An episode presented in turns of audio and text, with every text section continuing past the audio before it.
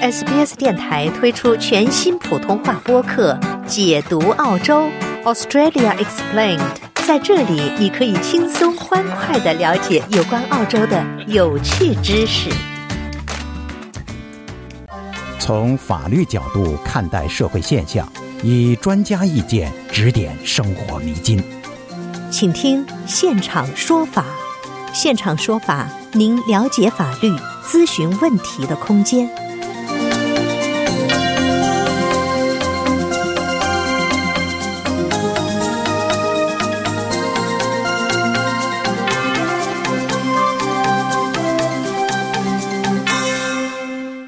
您好，欢迎您继续收听 SBS 普通话为您带来的现场说法听众热线节目。在今天的节目中呢，我们邀请摩托称律师事务所首席律师郑伟俊和您聊一聊非法入侵的话题。欢迎听众朋友拨打热线电话一三零零七九九三二三一三零零七九九三二三参与节目咨询法律和移民签证等问题。接下来我们首先连线本期节目嘉宾郑律师，您早。喂，你好。哎，郑女士，这是您今年新年第一次做客我们节目，祝您新年快乐。对，新年快乐。呃，这里是我们看到哈，在节假日期间哈，尤其是在平安夜的晚上呢，新州两名男子因涉嫌入室盗窃导致住户受重伤而面临刑事指控哈。嗯，这两名男子呢被控犯有严重的非法入侵行为、严重的可起诉罪行以及聚众斗殴罪。那么，郑律师，我特别想让您给我们介绍一下哈，就是说这个非法入侵。涉及到法律上对这个非法入侵是如何定义的呢？什么样的行为算是非法入侵呢？呃，非法入侵的话，就是说，呃，那个土地的占用者，呃，在呃没有经过他们的同意的情况之下，呃，侵入或者是逗留在他人的那个土地下面的话，就是非法侵入罪。嗯，就是说，在这个您刚才的介绍是土地哈，是不是说只只涉及到土地呢？比方说，如果是比方说自己的车。或者自己的这个其他的财产，比如船，嗯，其他人去占的话，算不算非法入侵呢？啊，也是算的，就是呃呃，都是非法入侵的那个罪名，就是说这可能那个呃刑事罪名的那个条款会有一点不一样，呃，可是主要都是土地，可是如果是别的个人财物的话，比如说刚刚说的船或车辆的话，也是算是非法入呃入侵的。嗯嗯，我们。我先请您介绍一下这个我们澳大利亚常见的吧，比方说我们澳大利亚这个有很多这个独立屋哈，它这个院子呢是嗯没有围墙的，或者即使有围墙是象征性的，比较开放式的哈。如果是没有经过这个屋主人的同意的话，进入他人这个院落算不算非法入侵呢？就是前院儿。呃，一开始如果是开放式的话是不算。啊，这呃，这你有可能有一些合法的理由来去踏入别人的那个土地上面，比如说你是要送邮件呐，啊，或者是呃你是想要去跟他们去呃这筹款呐，或者是你有呃原因去找那个土地或者是那个呃屋子里面的那个主人，你这样子进入的话，呃是有一个呃默许的一个呃原因，呃是可以占有那个土地的。可是你进入之后，如果这个土地的那个使用者，呃，告知你说啊，我不欢迎你进入我的那个呃土地，呃，请你离开，或者是有告示牌之类的，就是说，如果你进来是因为某一些原因，那我是不允许的情况之下，如果被告知之后，如果你还继续到了这个地的话，那你就会呃牵引到那个非法侵入。嗯，您刚才用的一个词啊，是土地的使用者，而不是土地的拥有者，对不对？啊，对，这使用者或或者拥有者也是，可是主要是看那个使用者，因为他们可能是同一个人。可是如果你是租的这个地方啊，对，这反正你是合法的使用者，你就会有这个权利，呃，让呃他人离开你那个土地。所以就算是你是使用者，如果你的房东啊过来，可是是没有一个呃合法的原因。或者是你已经告知了，说是你不允许他导留在你呃租的那个呃这房子里面的话，那他们如果是继续逗留的话，也可能是非法侵入的那个罪名。嗯，在另一个案例里边哈，就是有我看到有多名男子哈是裸体闯入他人住所的这个游泳池，并且损坏了财物哈。如果这些涉事男子啊仅仅是在他人游泳池去游泳了，但是没有损害财物的话，他们这种行为是？是否会构成非法入侵呢？呃，如果他们是有跨越围栏，呃，或者是有呃，是很明显的，就是说他们使用了他人的那个游泳池是没有经过对方的那个许可的，所以这个的话不可以说是一个合法的一个理由进入他人的那个土地上，所以他们呃单凭是呃跨越的那个栏杆使用对方的那个游泳池的话，已经是一个非法侵入罪，可能就是比较轻微的。啊，可是如果他们跨越了那栏杆进去，他们的有意图来去呃做一些损坏，或者是要去犯别的那些罪名的话，那这个的话就会比较严重。嗯，呃，您刚才说有轻微的，有比较严重的哈，就说，嗯，从法律角度来看哈，不论是从这个轻微的非法侵入到这个严重的非法入侵，他们受到这个惩罚，这个力度有多大呢？会受到多大惩罚呢？呃，如果是轻微的话，那就只是一个罚款而已。嗯啊，可是如果是严重的话，就是你有意图呃，是非法侵入，而且是要去盗窃或者是要去伤人之类的话，那呃，最高的那个呃刑判的话是十四年。嗯，非常谢谢郑律师的介绍啊。还有一个啊，就是说我作为一个这个物业或者是资产的使用者或者拥有者哈，如果是遭到了非法入侵了。我可以做什么？我可以自我防卫吗？可以防卫到什么程度呢？呃，这首先你是呃，绝对是可以报警。那第二的话，就是呃，在法律上你是允许是告告知对方要离开你这个土地呃的情况之下，对方是拒绝的话，你是可以用合理的一个呃自动作来去阻止或者是请对方去离开的。那这个呃合不合理的一个度的话，就是没有一个明确的一个定义。可是呃，如果呃是你是比如说没有用武器的情况之下，把别人。推出或者是请出去你的那个土地上面的话，这个是算是一个合理的，或者是有一些，呃，是比如说不是房子，是呃，是别的商业铺啊，或者是医院呐，或者是学校啊，这如果他们是要保安人员的话，他们也是可以用合理或者是合适的一个呃一个度来去请一个没有被邀请或者是被呃拒绝进入的那个人呃，请他们去去。嗯，如果比方说。这个作为一个受控方吧，被指控非法入侵了，比方说到了别人前院子，比方做了一些什么事情，或者其他的类似一些呃同样的类似的情境吧。作为一个被指控方，这个时候应该怎么办呢？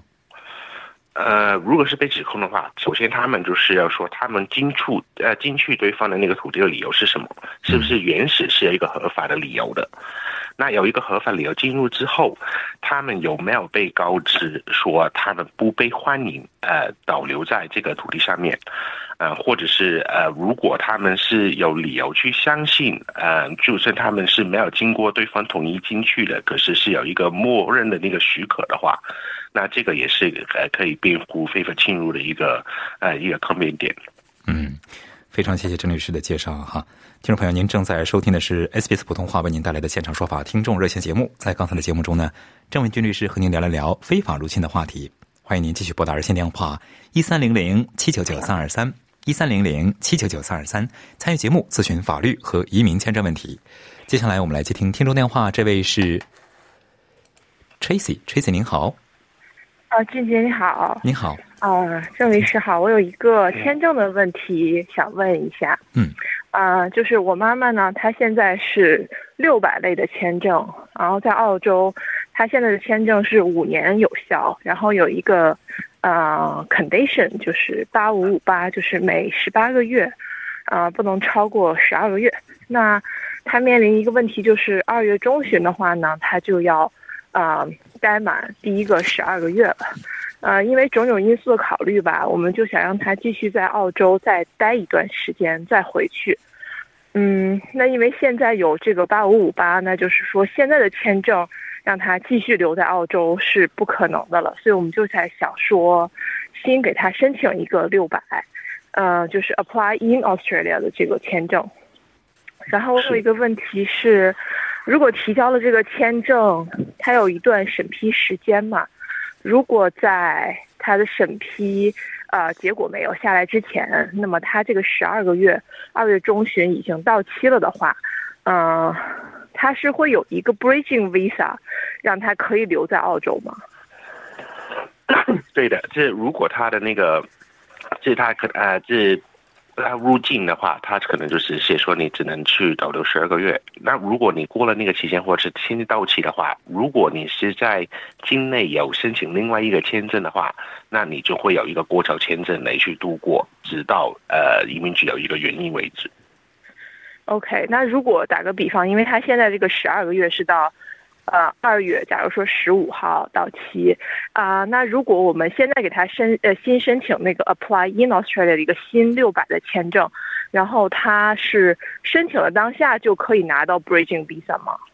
嗯，会马上去发布，呃，可是就是等到二月十五号，他现在的那个签证到期了之后才会生效。OK，那如果说，嗯。二月十五号之后，他新的申请的签证没有批下来的话，那么他有多长的时间可以就是离开澳洲呢？呃，一般是二十八天。OK，明白。他那个过桥签证的话，呃，一呃一般是直到他收到移民局的结果的二十八天，有些是三十五天，有些是二十八天。啊，明白。嗯，还有一个问题，因为他是有这个八五五八的 condition 嘛，那就是十八个月里面。不能超过十二个月。那我想问的就是，这个 condition 是不是只是，呃，应用于他现在的六百签证，而不应用于他新的签证？呃，这个是两点的。这第一点的话，一般的那个旅游签证，如果是申请长期的这种的话，都会有这个条件的，就是十八个月里面只能导留十二个月。呃，可是你现在续签的话，它很大的可能就是只会给你再续一个六个月的一个签证，呃，所以就不会牵连到那个十八个月里面十二个月的那个问题。嗯，第二个部分的话，为什么不牵扯？这个这一点我不太明白，因为他现在已经快十二个月了嘛。那假如说他二月十五号刚好那个新的签证下来了。如果再给他批六个月的话，那不是就是十八个月已经超过了十二个月吗？对，所以他第二个签证的话，如果他是批准的话，他就不会有这个条件在里面，因为他知道说你是需要呃过了十，这你是呃即将会跨越了十二个月。哦，那也就是说，呃，我们现在的签证和新签证加起来，如果超过十二个月是没有问题的，是吧？呃，是没有问题的。可是你这一次你申请这个第二次的旅游签证的时候，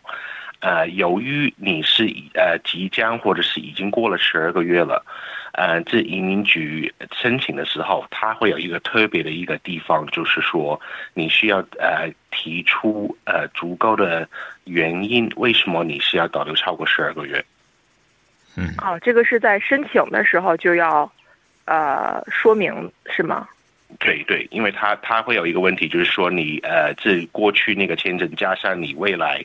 呃，未来这个旅游签呃加起来的话，是是否会是八个月之内超过了十二个月的逗留时间？那你肯定是要说是，然后你就是他就是要提让你去提出一些原因，为什么？理由是对，如果是没有一个他们能认可的一个理由的话，那他们是呃不会接受的。OK，那我的理解就是说，新的签证如果是批下来的话，现在的签证就是自动 with 呃就是取消了，对不对？因为只能有一个签证 valid。对，如果是批准了的话，会直接盖过你原始的那个签证。嗯，那这样的话就导致他如果呃再有六个月之后回国，再想回来的话，就要新申请另外的一个签证。对，没错。嗯。啊，那他再申请签证的话。还会有这个十八个月的考量吗？比如说他，呃，八月份回国，然后九月份再想回来的话，移民局会考量过说，哦，那他前十八个月就一直待在澳洲，他如果现在再回来的话，就是一直会待在澳洲，会有这样的问题吗？呃，会的，所以就是最好就是回去之后等六个月才能再次申请。嗯，哦，明白。好，这就是我的问题。谢谢郑律师。好嘞，谢谢 Tracy，祝您顺利。接下来这位听众是尹女士，尹女士您好。你好。哎，您好，你请讲。啊，我的问题就是，呃，医疗事故的这个出现以后，怎么怎么处理，怎么索赔，而且索赔的金额大概是多少？嗯。呃，这个的话就是，嗯，具体的话就是看当时的那个情况，呃，当然是，呃，相应的医疗费用，呃，可能是，呃，这如果你是成功证明的话，医，呃，相应的医疗费用的话，肯定是会包括在赔偿金额里面的。那，呃，另外一些比，呃。是赔偿的那个类别的话，就是，呃，造成那个受害者的那个损未来的那个损失，呃，或者是他对于他的那个身体或精神的那个伤害，嗯，所以这如果你是要考虑索赔的话，那最好是找一个专门是做那种医疗索赔的那个律师去咨询一下。然后第一步的话，就是向呃那个医疗诊所或者是医院那边去提出这个呃赔偿的那个要求。呃，如果是不能呃是私底下和解的话，那就是要去向法院提出诉讼。嗯他这个提要求的这个也是要通过律师的呃去跟那个医院或者是诊所进行交涉是吧？呃，实际上是不一定要通过律师的啊、呃，这你是自己可以跟那个一呃，是跟对方那边去提出这个索赔的那个要求的。啊、呃，可是呃，如果你呃不是很了解呃整个流程的话，最好是找一个有经验的专门是做医疗索赔的律师，因为这个是呃蛮一个蛮专业的啊，定位的专业的一个的领域。嗯，这个呃事故发生以后多久之内必须要有这么一个呃提出要求的时间呢？呃，一般是你发现后的三到四年啊，三到四年之内都可以提。对，那么就是说，如果是律师有一个律师帮助向那个医院提出这个索赔要求以后，呃，双方达不成协议，然后才去呃法院是吧？对，没错。嗯。哦，那好的。那一般的这个呃，我问的这个呃医疗事故的情况是，嗯、呃，做一个心脏的检查，因为他往那个血血呃静脉里注射药物在做检查，那么药物引起了这个呃呃患者的咳嗽，就是药物进入了气管，这是一个呃设备的这个检查设备过程产生的，不是治疗过程。这个大概会有一个多少赔率？呃，这个很难说，对呀、啊，这这技能来说很难说，呃，因为这个也是看你做这个，这做每一个医疗的一个程序的话，都会有呃，毕竟一个风险，那就是看你当时去进行这个呃治疗的话，或者是这个手续的话，有没有呃签相关的一个。呃，这免责声明啊，或者是呃，这告知那个风险的这个呃这个同意书，呃，那就是要看你现在这个事故是不是会包含在一般的这种呃这呃有可能会发生的一个异常里面。呃，如果是没有的话，或者是因为各种呃第三方的原因，或者是手法原因的话，那这个可能才会有这个医疗事故的这个呃赔偿的那个方案。嗯哦，那个那个呃，合同呃，就是就是告诉你呃，让你要签字的才算吧。那个就是之前的这个活动，或者是他只是告诉你做这个检查需要做什么，呃，我们给你在呃血管里打药，这个算吗？呃，一般都是书面上的。如果是呃，如果是紧急的话，那可能口头上的话也是可以的。这这个就都到最后就是看，呃，这个从一个证据提提出证明的这方面的话，对方能不能逐一去证明他们是有告知呃你相对的那些风险，或者是整个手续里面的那些呃这这个流程会有出有可能会出到什么样的一个错误？哦哦，那是他没有没有给到这个。好吧，那我就谢谢您了，谢谢。好嘞，谢谢殷女士，祝您顺利、啊。谢谢。接下来我们继续接听，这位是 Mary，Mary 您好。你好。哎，您好，您先讲。早上好，主持人好，郑律师好。你好。现在我请教一一个事情，我受人家的委托，现在就是在 Paddy Market 黑 Market 里头发生一个很大的事情，他这个 Paddy Market 把所有里头的中间的位置，给另外一家 Dalton House 签订一个合同，让出三千平方米的地方，牵涉到三百个档档口，六十多家了，就是小小业主，全部要从中间的位置移到旁边去，所以他这个没有征求六十多家的意见，自己强行要分配张三到哪一个位，张四到哪一个，李四到哪一个位，是这样子。那这样子，大家他规定限制范围在三月二十号之前全部要搬离。那因为牵涉到六十几个业主的利益，当时这个业主都是花重金买下这个位置，就相当于就是这个位置对他来讲做生意来讲是比较好的。那现在把它分配到偏僻，有的在蔬菜旁边的，有的在厕所旁边，这个是没有人流的地方，肯定这个这个情况下，郑律师该怎么办呢？啊，这个就是呃，因为那那个 market 那一边的话，会跟普通的那个商业或者是零售的那个租约合同的话，那个情况会有一点不一样。啊，因为那个 market 里面的话，呃，据我呃所知是你会占呃它整个呃市场的一个股权，那这个股权的话，就是有一个指定的一个使用呃使用一个摊位的这个权利。啊，那如果他现在公司这个这个是呃那个 market 的这个公司是呃是转移或者是重新再设定每一个股权占用的那个位置，嗯，跟呃这相应的那个权利的话，那就是要看回去原始这个 market 里面的那个公司章程，然后看有呃他们那个公司有没有这个权利。那如果是有经过呃公司章程那个投票那一方面呢，或者是整个呃这整个呃公司的的流程是要走完了，所以他们去呃转移位置或者是转移使用权是合法的话，啊，那这个就是呃你可能就是什么都不能做，可是呃这。最主要的就是看呃，你那个公司章程对于呃转移那个股东的那个呃占用的那个位置跟使用权的话，如果有所改变的话，他们呃有没有一个固定的流程需要走？然后如果是有的话，他们这一次啊有没有经过呃大部分的那个呃股东同意的情况之下来去做这个重大转变？嗯，没有，他都不知道。他就写信通知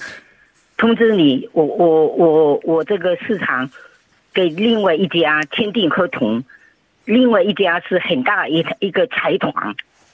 就是他又占用三三千平方的地方，需要这个位置，需要中间的位置，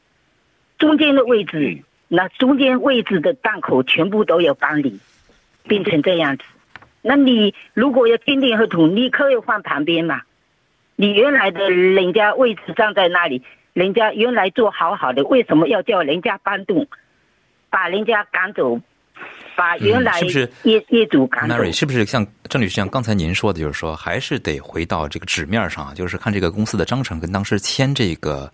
协议或者合同租约是嗯，或者这个股权的这个协议里面是怎么写的？这个章程这个流程。是怎么呃走的？这个流程合不合理？只能质疑这一点，是不是？但是利益上牵涉到人家的利益问题。你你现在人家的档口是，比如说四四平方，呃，门面是四米四米，你现在把人家调到另外一个门面只有两米，那人家利益上差的很多。那这种情况合理不合理？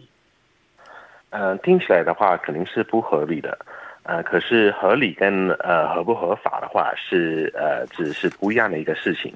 所以我会先觉得说你呃是呃找一下当时呃你去签署那个公司章程，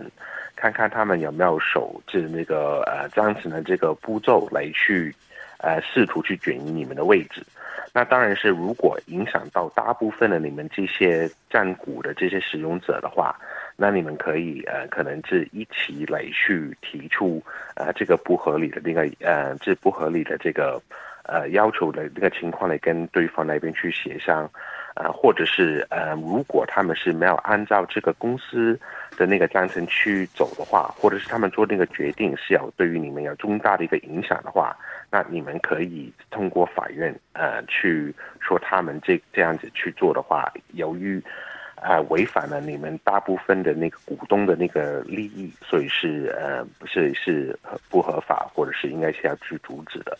嗯，供您参考，Mary。哎，我我我估计他当时签那个合同，可能他有权利把你们从东移到西，他有权利，但是有权利的前提之下，应该要不损害到这个原来这个股东的利益情况之下。Mary，刚才郑律师有没有解答您的疑问，给您的足够的参考？我我现在就想，因为在电台里头时间也不能长，好的，能不能告诉我郑律师这样子的电话，Mary，待会儿呢，您不要挂断电话，我请导播和您联系一下，把您的电话留给我们导播，可以吗？哦哦哦，好嘞哎，好嘞，我们哎导播会和您联系，您不要挂断哈我。我我不要挂掉，哈嗯哈哈。接下来我们接听下面一位听众，这位是陈先生，陈先生您好。哎，你好，呃，我有一个问题，就是我家里人呢，都收了一收到了一张这个，呃，就是交通违规的罚款单啊。嗯呃，我们发现呢，名字、地址都是对的，但是呢，我们家里面的人没有那个车，那个嗯车的车牌号完全是，呃，无无我完我没没见过，反正不是我们的，啊。那么我们的问，我现在的问题就是很显然是有人是不是用了我们家里人的名字来注册登记了这辆车，然后又这个交通违规了。那么这里面呢，是不是有一个我们的 ID 被盗用的这样一个嫌疑呢？在这种情况下，我们应该怎么办呢？嗯，郑律师。哎，郑律师，您可以听到不？我们线上我们的嘉宾的线线路，我看导播有没有开通哈？喂，郑律师，您可以听到说话吗？我们可能线上的这位，我们线上的嘉宾可能现在暂时无法连上哈，我来再来连线一下。哎，郑律师，不知道您刚才有没有听到陈先生的描述哈？陈先生的描述是这样子的，嗯对，那呃，这你收到那个发票通知之后，这就是那个车辆不是在你的名下的，或者是你家人的名下的话，那有可能是两个情况。第一个情况的话，有可能是他人用你的的那个 ID 来去注册那个车辆，可是这个的可能性不大。呃，比较大的可能性是对方那边收到那个发票之后，他们是可以提名当时的那个车车辆的那个使用者是谁。然后呃，那个 RT 那边收到的那个提名之后，就会重新再发一个呃违规的那个发票过去给被提名或指定的这个呃这这个呃人，呃，所以如果嗯、呃、当时你这个呃被提名这个人是没有开那辆车子的话。呃，跟没有去做这个违规的那个动作的话，那你需要去，呃，跟 RTA 那边去说，这当时这个使用者不没有在使用这个车子，然后让他们去，呃，向这个车子的那个原车的车主或者是提名你们的那个人，呃，这采取呃相对的那个呃证据，所以你是。呃，如果是没有开那个车辆的话，那是可以嗯、呃、通过 RT 那边去呃去反驳这个发票的。哦，这样，啊、好的，谢谢律师的指点。好嘞，谢谢陈先生，祝您顺利。像郑律师这种情况哈，如果是收到的罚单不是自己的，嗯，就说除了自己直接跟 RTA 说之外，嗯，如果 RTA 最终决定了，呃最终这个找这个车主没找着，或者是说找的过程中对方还是说这个使用者是自己的话，该怎么办呢？呃，那就是要呃去抗辩。那抗辩的话，就是要呃是提一个表格，就是说你是拒绝呃是接受这个罚款，然后整个呃整个事情的话就会调到当地的那个 local court 那一边去处理。嗯，非常感谢郑律师的介绍。听众朋友，以上呢就是今天两个小时中文普通话节目以及现场说法听众热线节目。非常感谢郑伟军律师对我们节目的支持，也非常感谢听友们打入电话的支持。因个人情况因人而异，法律问题复杂，本节目仅供一般性参考，并无意提供任何个案法律建议。具体法律纠纷，请您咨询专业的律师。想在 SBS 当一回影评人吗？SBS On Demand 正在推送配有中文字幕的热门影视作品。您只需观看一部或以上影视作品，并把影评观后感发给我们，就有机会赢得一份 SBS 精美礼品。